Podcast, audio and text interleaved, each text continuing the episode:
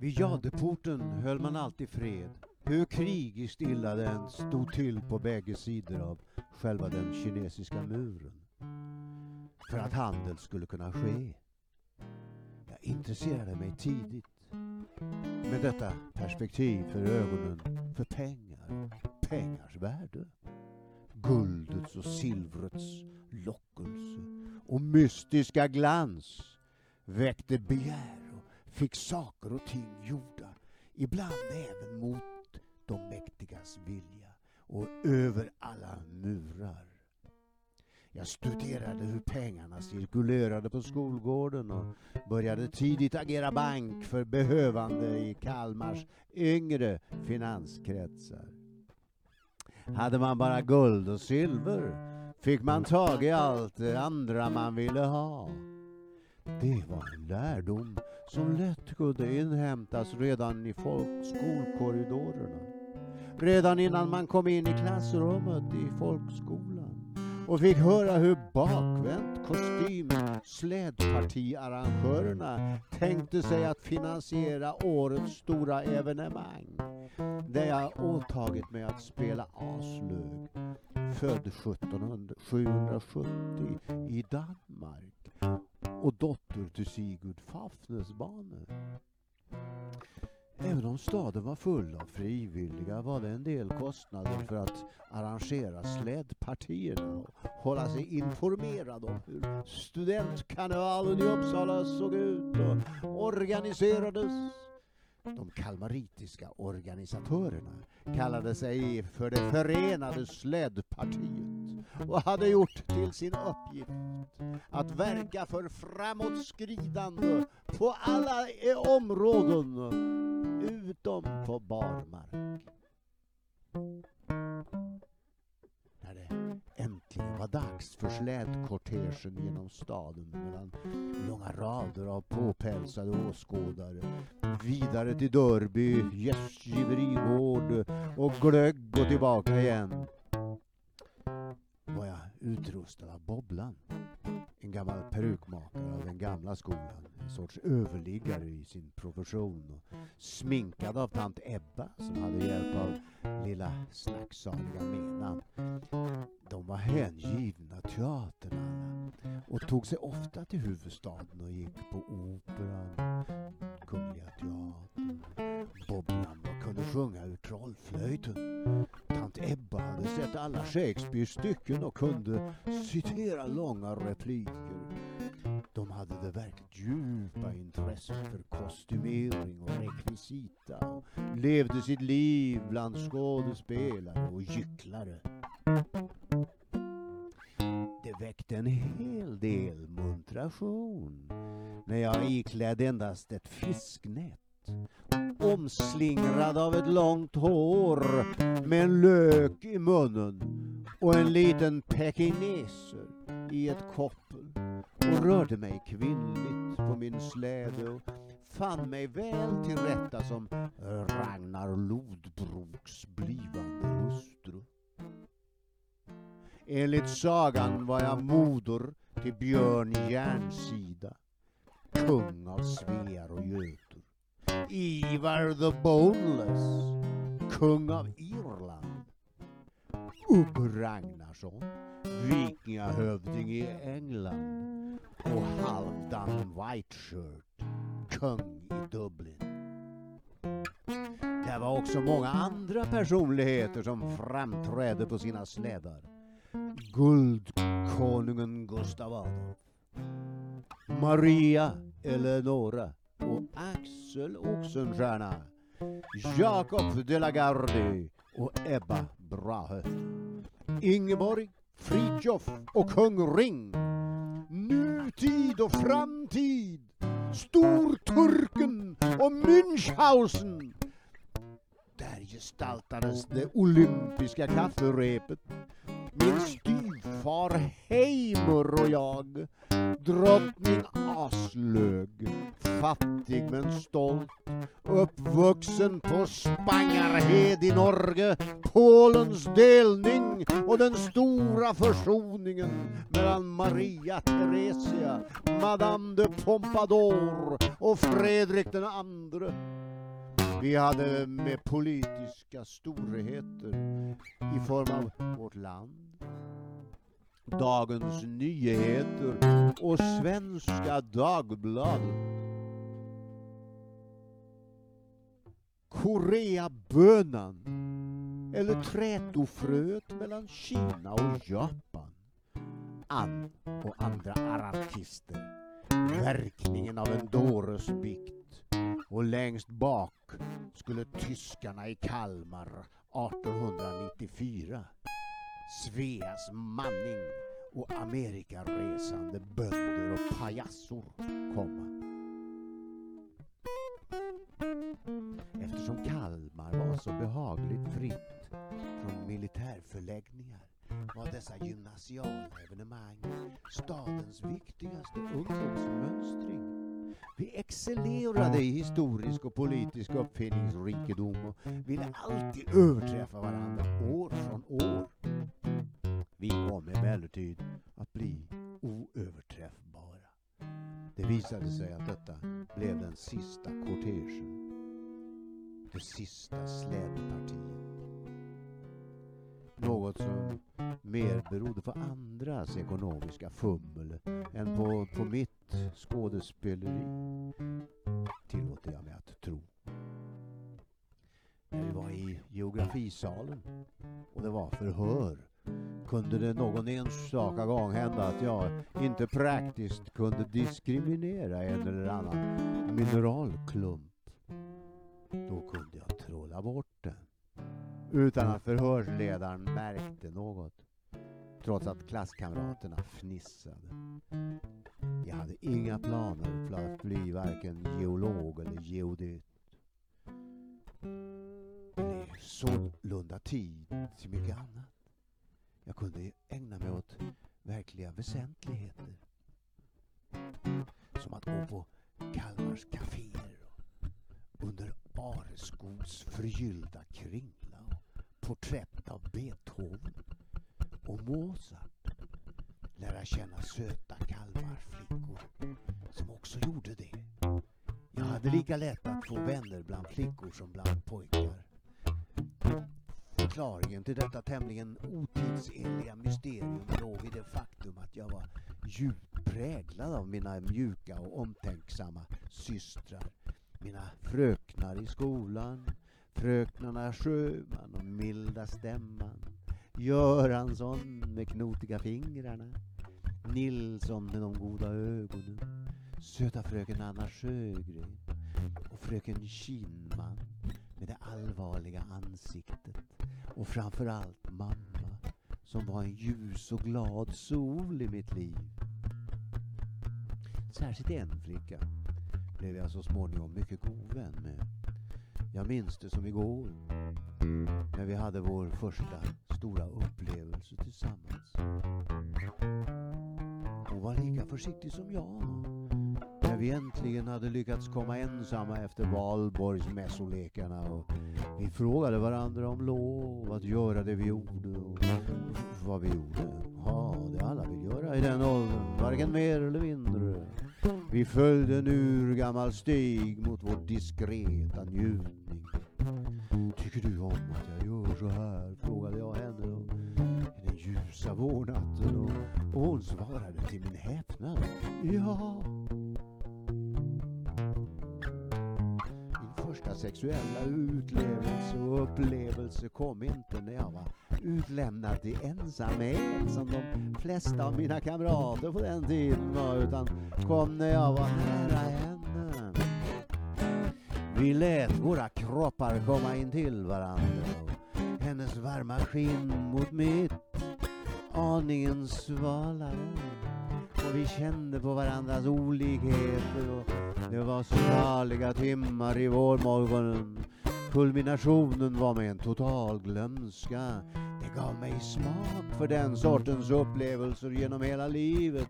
Jag vill vara nära den varma, levande kvinnliga kroppen och huden så mycket som möjligt och så ofta som möjligt och i alla livets skiften.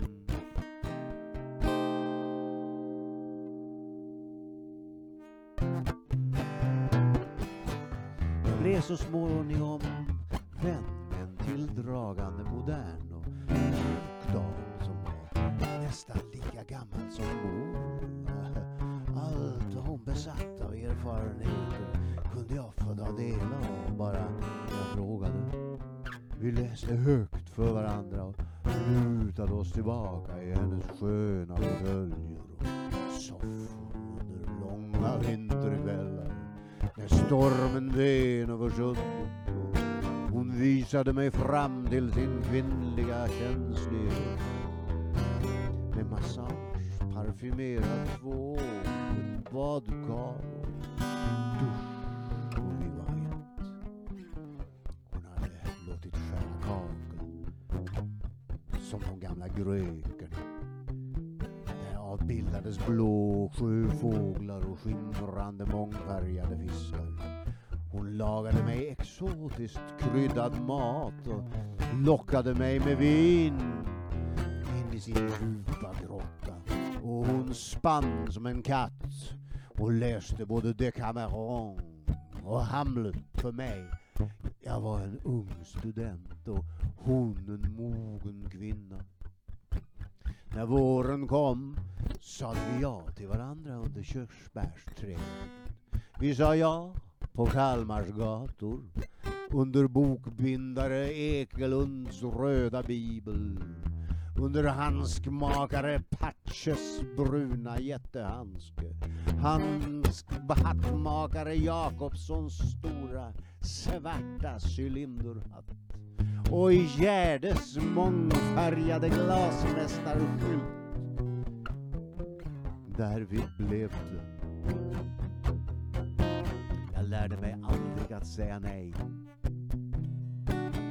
Något som vissa förstenade magnater ur sitt grod och bockperspektiv har lagt mig till last och menat blivit mitt onda öde.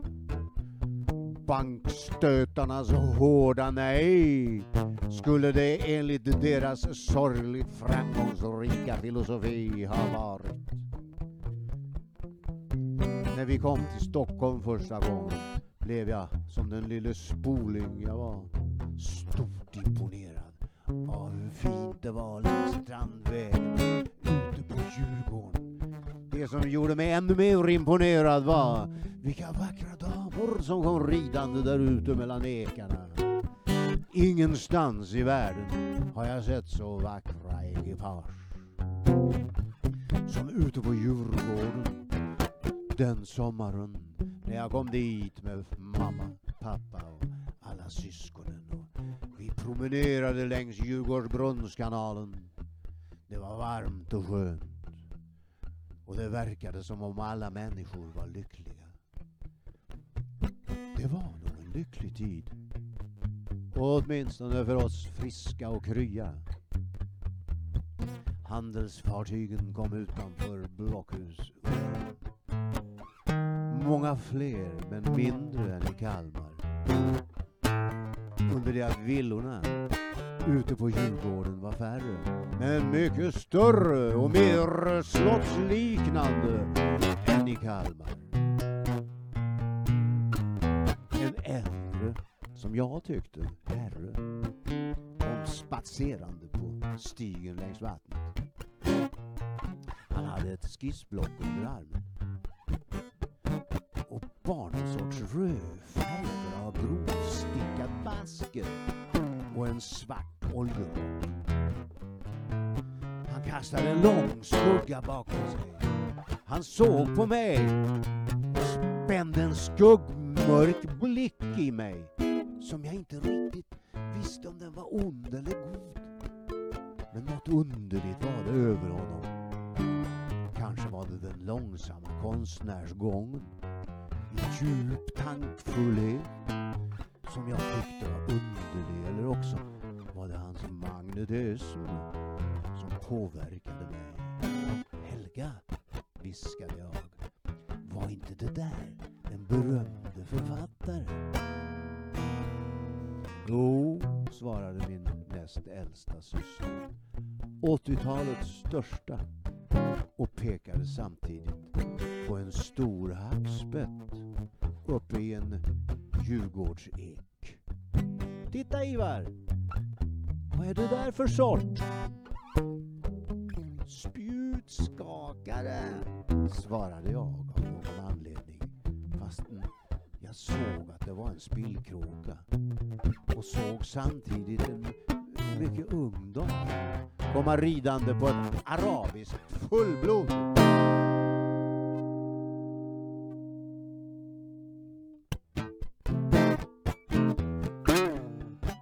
Ju mer jag kom att intressera mig för härföraren och politikern Napoleon och hans personlighet, ju mer insåg jag hur olycklig jag var författaren och konstnären Strindberg. Den ene var sällsamt besluten och beslutsam. Den andre sällsamt vankelmodig och obeslutsam. Strindberg kunde ändra mening beroende på att han hade funnit en teaterbiljett på gatan och läst numret 23. Napoleon skapade minutiöst, noggrant utarbetade planer och följde dem till punkt och pricka om så kanonkulorna slog honom slog av honom hatten. När jag var på det humöret kunde jag stå och väga mellan dessa bägge poler. Dragen en mot den ena, en mot den andra. Mer eller mindre ofrivilligt. Jag lät det ske och kände tilltro till instinkten. Jag kunde också välja bort Strindbergs fåfänga mot halva mänskligheten, kvinnorna, och istället samarbeta med dem. Jag kunde välja bort Napoleons skräckartade fobier och vredesutbrott och arbeta ostört av sådana tromber av känslor. Jordbävningar och vulkanutbrott. Men ändå utveckla stor energi. En sak som jag inte kunde välja var min lycka. Jag hade absolut ofrivilligt fötts lycklig levde så befann jag mig i en konstant trevnad och hade de bästa av syskon och de mest trofasta vänner. Jag var en i grunden glad natur.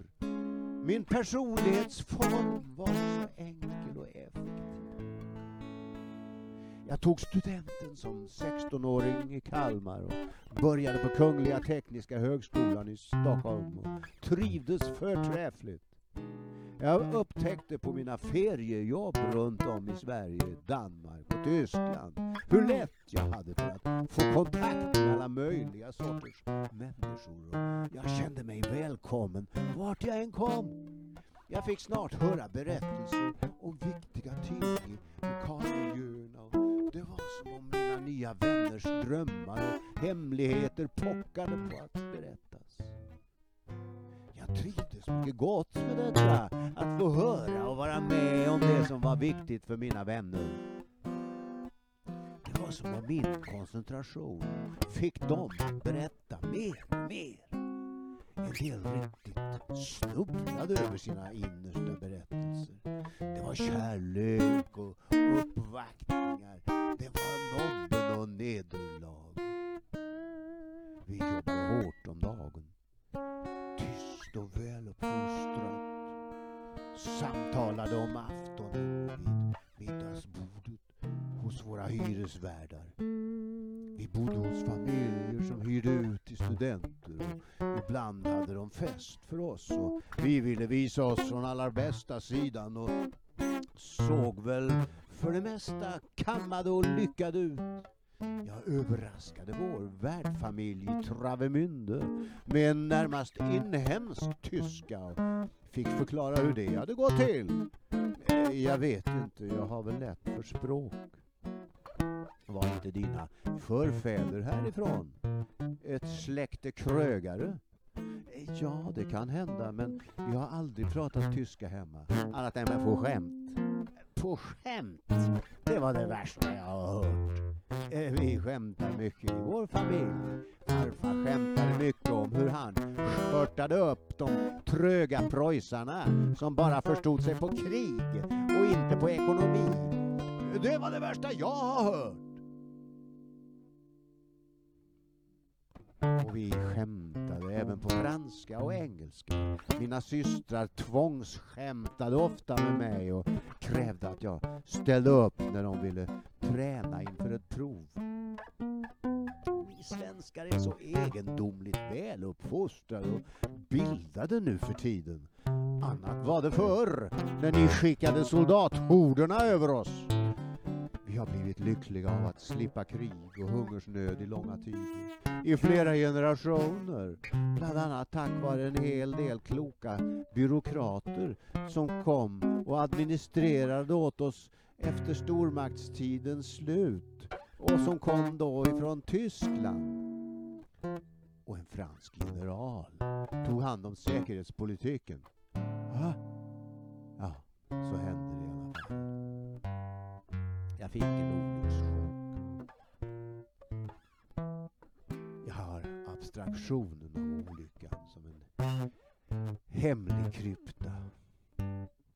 Och jag ska många gånger göra besök där och lägga ner liljekonvaljebuketter och kransar av sorg och saknad. Med en smärtlös sorg ser jag henne vila staty på sin egen sarkofag.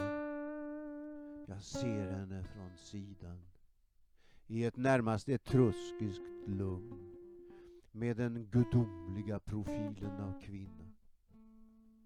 Jag hade tagit ingenjörsexamen på KTH och var i en stillsam eufori.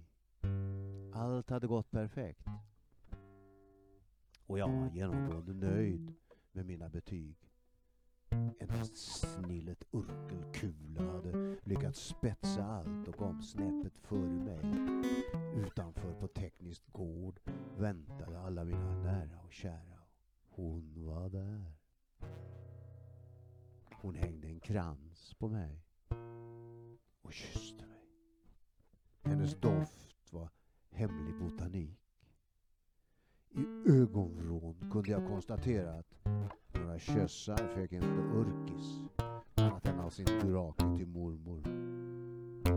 Mamma var alldeles till sig pappa dunkade mig i ryggen så jag höll på att tappa andan och min gode hårde 16-årige bror Torsten viskade i mitt öra att mina klackstift klapprade högst av allas när jag kom springande nerför trappen. Alla firanden var avslutade och Torsten hade avfyrat den största och sista projektilen smög hon och jag oss undan. Det var försommaren. En och annan fest pågick fortfarande och vi gick längs Strandvägen ut på Djurgården och höll om varandra. Hon sa att det var någonting som hon egentligen borde berätta men att det inte passade den dag som denna påpekar att det var natt och att man bör berätta allt för den man håller av. Jag stannade och tog henne i axlarna och frågade henne vad det var som tryckte henne. Ivar, jag måste åka hem till Drammen och tala med min övervakare om en sak. Hon såg på mig. Och jag älskade henne överallt här på jorden och var beredd att göra vad som helst för henne. Hon gick på Gymnastiska centralinstitutet och hade en oemotståndligt hälsam attraktion. Hon smittades med sin välträning och fick mig att glädja mig åt enkla kroppsligheter och vi svängde runt som barn och hon kunde berätta om sitt oblida öde att bli tidigt föräldralös. Men att hon hade varit så heldig hon hade varit mer eller mindre utflugen när det sorgliga skedde. Och redan hade börjat sitt eget liv och turnerade med gymnastik.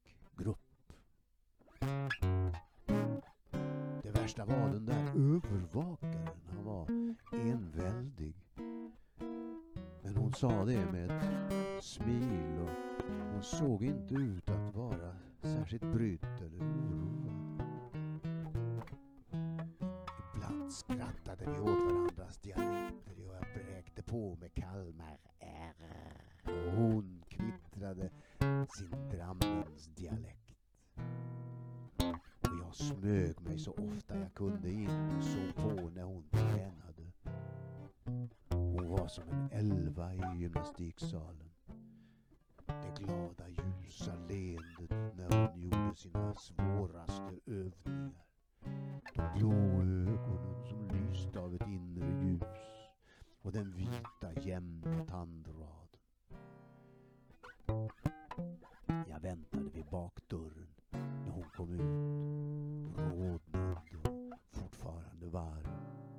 Sitt träningspass. Inga gummiga parfymer, hon formligen knittrade av energi. Jag var het, hon var het. Men det var en svalhet. en ljuvlig lek. Ett långt och härligt uppladdande.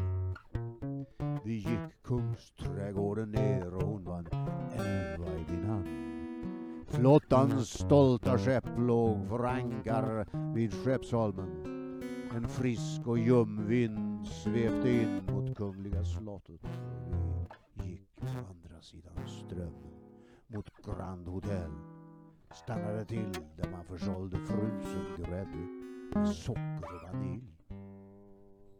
Hon var som en het elva när vi promenerade vid lilla skuggan uppåt Djurgården och såg ut över Haga där en Bernadotte häst försvann in i parkens dunkel. Vi gick långsamt under ekarna och ner längs vattnet. Vassbrådarna sköt upp ur vattenytan och här och där drog skuggan av en fisk fram. En hög och stor himmel glödde med starkt lysande cirrusmoln över ekkronorna och glittrade eldrött i fjordarnas vatten, fjärdarnas vatten. Klipporna och sanden doftade av inre skärgård. En näktergal drillade någonstans och stadens ljud hade tystnat. Det hände ofta att vi promenerade längs Stockholms vattenbryn över Bellmans ängder. Vi kunde gå i tystnad, hennes hand i min och ibland var hon lite andfådd och andades i mitt öra.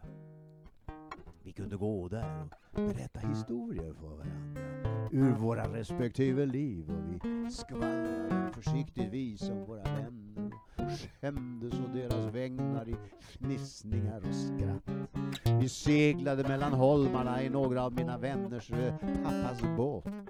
Långa seglatser i sommarsol i den bräckta Östersjövindens friska sus. Sommarvind när vi dansade på någon dansbana och tryckte oss in till varandra. Vi gjorde det i portgången, vi gjorde det under ekarna. Hon gjorde mig levande och glad och hon sa att jag gjorde henne detsamma. Vi tyckte och hon ryckte mig plötsligt in i något. Om vad då? Om dig. Varför talar ni om mig? Ah, han har vissa invändningar mot att vi ska förlova oss. Men jag ska nog tala honom till rätta, skyndade hon sig att tillägga. Jag anade ugglor i mossen och sa inget mer och vi gick vidare och solen började gå upp.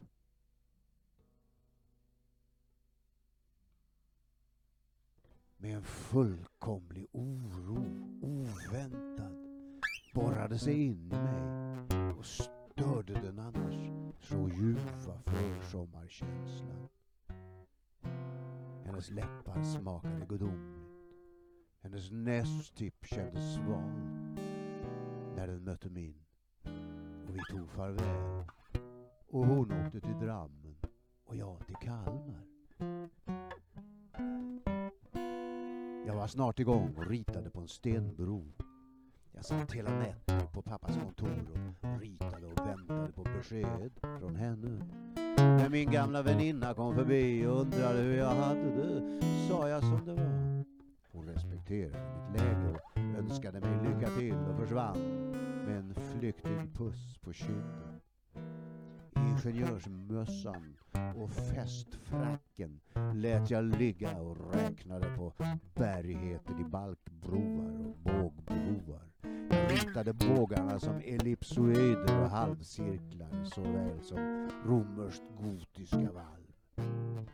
Jag hade med mig skissblocket när jag satt på klipporna och kände doften av öppet hav hörde seglen smattra över sundet. Jag satt i det kraftiga skenet från ritkontorets arbetslampor. Tågen hade erövrat världen och snart skulle automobilen bli var mans egendom. Stenbroar och broar av stålgjutet byggdes över varenda älv. Järnvägsnätet växte ut med häpnadsväckande snabbhet. De första automobilerna var redan i produktion hos Panhard och Levasseur. Renault, Peugeot. Där hemma var Scania igång med en konstruktion av sin första automobil. Ohjälpligt lik en hästkärra med motorn mitt under och kedjedrift. De Dion-motorn fungerade mycket bra och de franska automobilerna nådde redan avsevärda hastigheter på kortare sträckor. Jag ritade i på olika kartor hur man kunde tänka sig huvudvägnätets framtida uppbyggnad mellan de större städerna, längs dalgångar och kuststräckor och andra optimalt plana biotoper. Jag kunde se vad man behövde broar och till och med hur många broar det kunde bli frågan om. Och på den och den vägsträckan. Förmyndare. Inte ens min äldsta syster Ingrid lyckades påverka honom. Trots att hon på alla systrars inrådan och till min blygsel åkte till Drammen och framlade min sak och beskrev att vi ingalunda var barskrapade och att man nog kunde anse att jag var ett gott parti. Övervakningen var stenhård. Han lät förstå att det gällde att visa att jag hade någonting att komma med som jag personligen hade förtjänat. Det räckte tydligen inte med ett framtida arv och en god utbildning. Jag visste varken ut eller in. Vi grät en skvätt.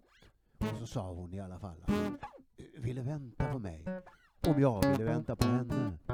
Tills förmyndaren ändrat sig. Jag blev efter alla tvivel och all oro lugn igen och lovade henne att sätta högsta fart.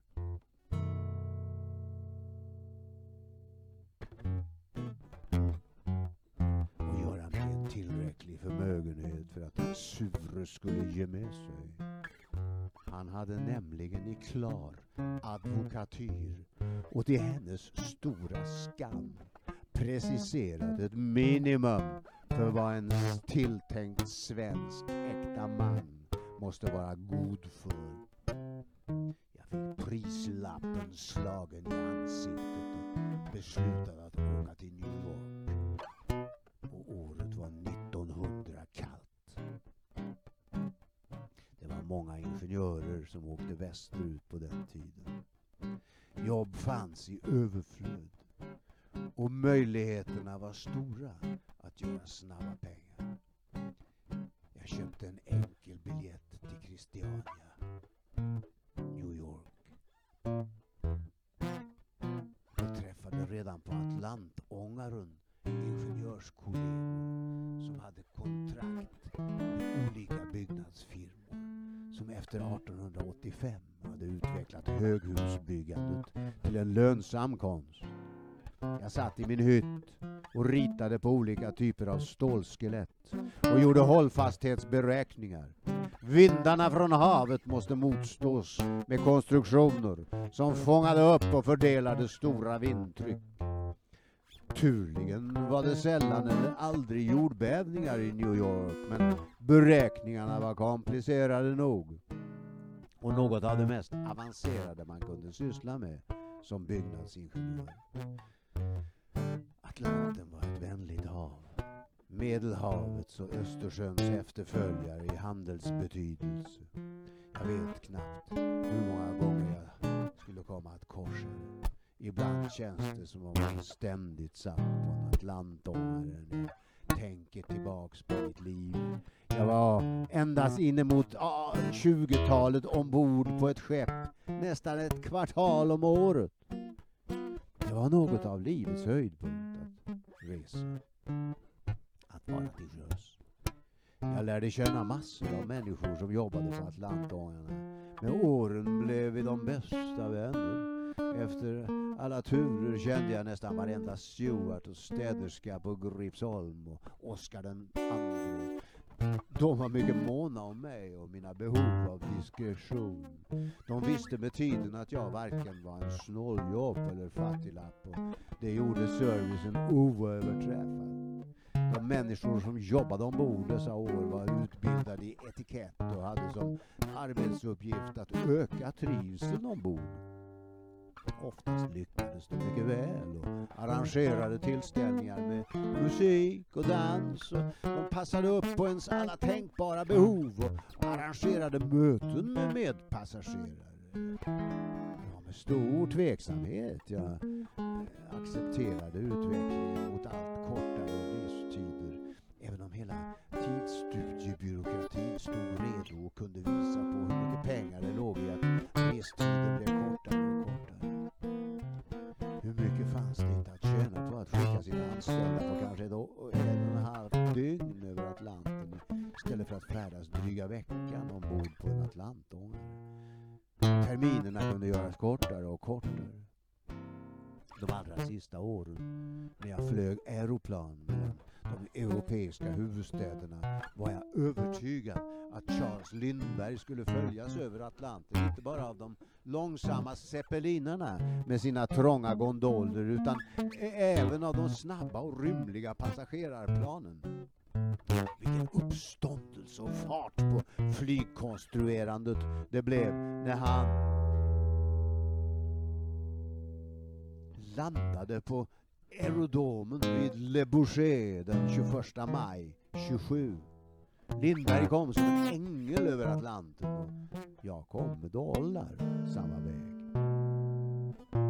Vi hade nog bägge en hel del optimism och arbetslust att komma med till det franska folket. Hur illa det stod till med ekonomin i Frankrike dessa år var det nog tämligen få som insåg. Men jag lyckades utarbeta ett låneprospekt som skulle göra dem oavhängiga av amerikanska högräntelån. Det var det fina i kråksången var att det var amerikanerna själva som finansierade det. Men det finns två halvor av. En snål och hård och en mer generös och mjuk. Jag vände mig till det mjuka och fick loss 75 miljoner dollar. De unga kom i fullständig yra när Lindberg visade att det var möjligt att ensam flyga från Amerika till Frankrike i ett enda svep Eftersom han hade bytt ut andre piloten mot bränsle var han tvungen att göra det utan att få en blund i ögonen. Han flög genom stormarna och tvingades ibland stiga över kompakta moln tätare än någon dimma och navigera efter stjärnorna för att inte tappa orienteringen. På hög höjd var det klart. Stjärnbilderna var starka och tydliga, lätta att orientera sig efter. Lindberg tackade hundstjärnan mer än solen för livet. Men det var också kallt. Ett ismoln kunde oväntat uppstå och belägga vingarna med isbark och tynga ner planet. Då gällde det att snabbt dyka ner och tina. Det var för Lindberg en spännande lek. Men det var när vädret blev bättre som det blev verkligt farligt. Kampen mot sömnen blev Lindbergs hårdaste kamp. Han var tvungen att ta till reservkrafter som han inte trodde fanns. I sin bedövande trötthet började han samtala med spöklika gestalter som besökte honom i flygkroppen. Han försökte han förstod plötsligt uppenbarelser i de antika myterna och lade märke till enskildheter i människans tillvaro som han tidigare inte ens kände till eller visste att han kände till. Allt detta hjärngymnastiserande för att inte somna och störta i havet när solen gick upp. Det var som om jag kunde drömma utan att sova. Och därmed klarade jag mig utan att somna, skriver Lindberg. Den amerikanske flygofficeraren och ingenjören var tvungen att ta till kulturen för att klara det. Åtminstone i kampen mot sömnen överensstämde våra metoder. Han hade inte ens med någon radio. Dess tyngd hade han också ersatt med bränsle. Han litade enbart på sig själv och sitt flygplan. Det imponerade minst lika mycket som att flygtiden, 33 och en halv timme, understeg vad någon hade kunnat drömma om. Och att han hade bränsle kvar när han landade som skulle ha räckt för att fortsätta till Rom. Det var en helt enastående prestation. När fransmännen insåg hur länge en ensam människa kunde hålla sig vaken dessutom på den tiden färdas över Atlanten och de samtidigt fick vårt lån satte de igång med massor av projekt och reste sig faktiskt ur depressionen. Guldet började rinna in i landet igen och Paris staplades det i säkra valv. Många intresserade sig för änglar vid den här tiden. Cocteau och hans följe av avfallna rhodesier sökte sällskap med änglar och bokade ofta in sig på Ile-de-France och korsade Atlanten de också, sittande kring ett annat runt bord.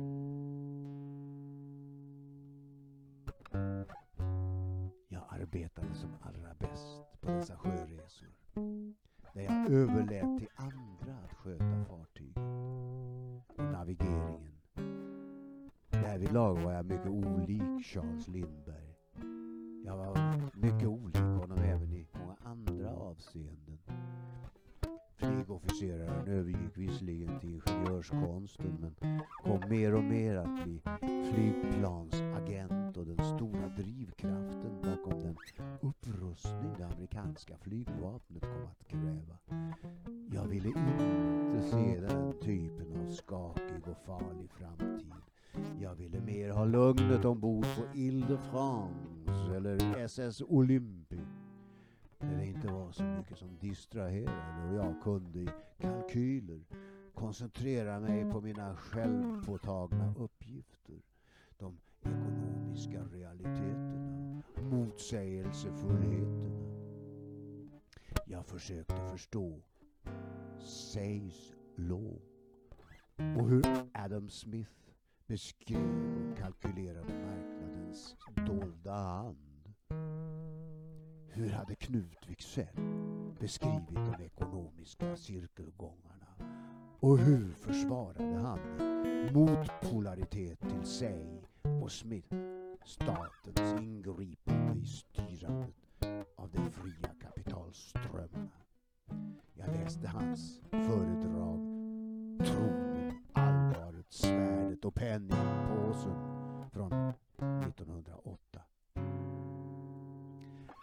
har man arbetat bland de välsituerade för att bygga säkerhet för sig och sin familj? Hur fungerar världsfinansen i grunden? Hur kommer det sig att Venedigs Black Nobility fortfarande hade ett finger med i spelet? Var det verkligen The Committee of 300 som fattade de stora besluten? Vilka ingick i det illuminerades krets av skugggestalter bakom varje tron och regeringskansli.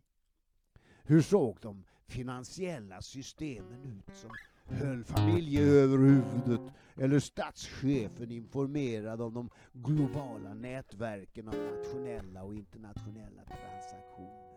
Hur kombinerade Birgitta från Vadsten att vara svenska med att vara internationell i Rom och försöka mäkla fred i hundraårskriget mellan England och Frankrike? Hur skulle man någonsin kunna mäkla fred mellan Tyskland och Frankrike idag?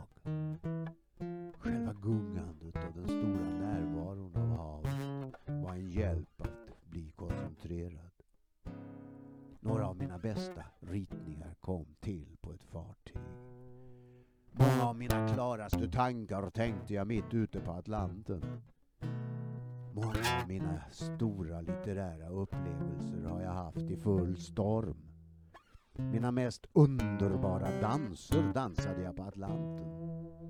Elvira Madigan gick på strömkabeln mellan takkronorna som svajade i dyningen och jag viskade i en skön balettflickas öra att det var viktigt med balans här i världen. Jag kunde dansa och njuta det gungande havet och jag lät stärkkragen skära snitt i röken från de långa cigarettmunstyckena som blev allt mer populär och då och då stack fram någonstans även ur fina damers alla volanger och spetsar. The torch for freedom skulle mycket riktigt tändas av radikala kvinnor till glädje för grundarna av British American Tobacco Company som var i full aktivitet dessa år. Med chockerande frimodighet började även fina damer röka i full offentlighet. Marknaden för cigaretter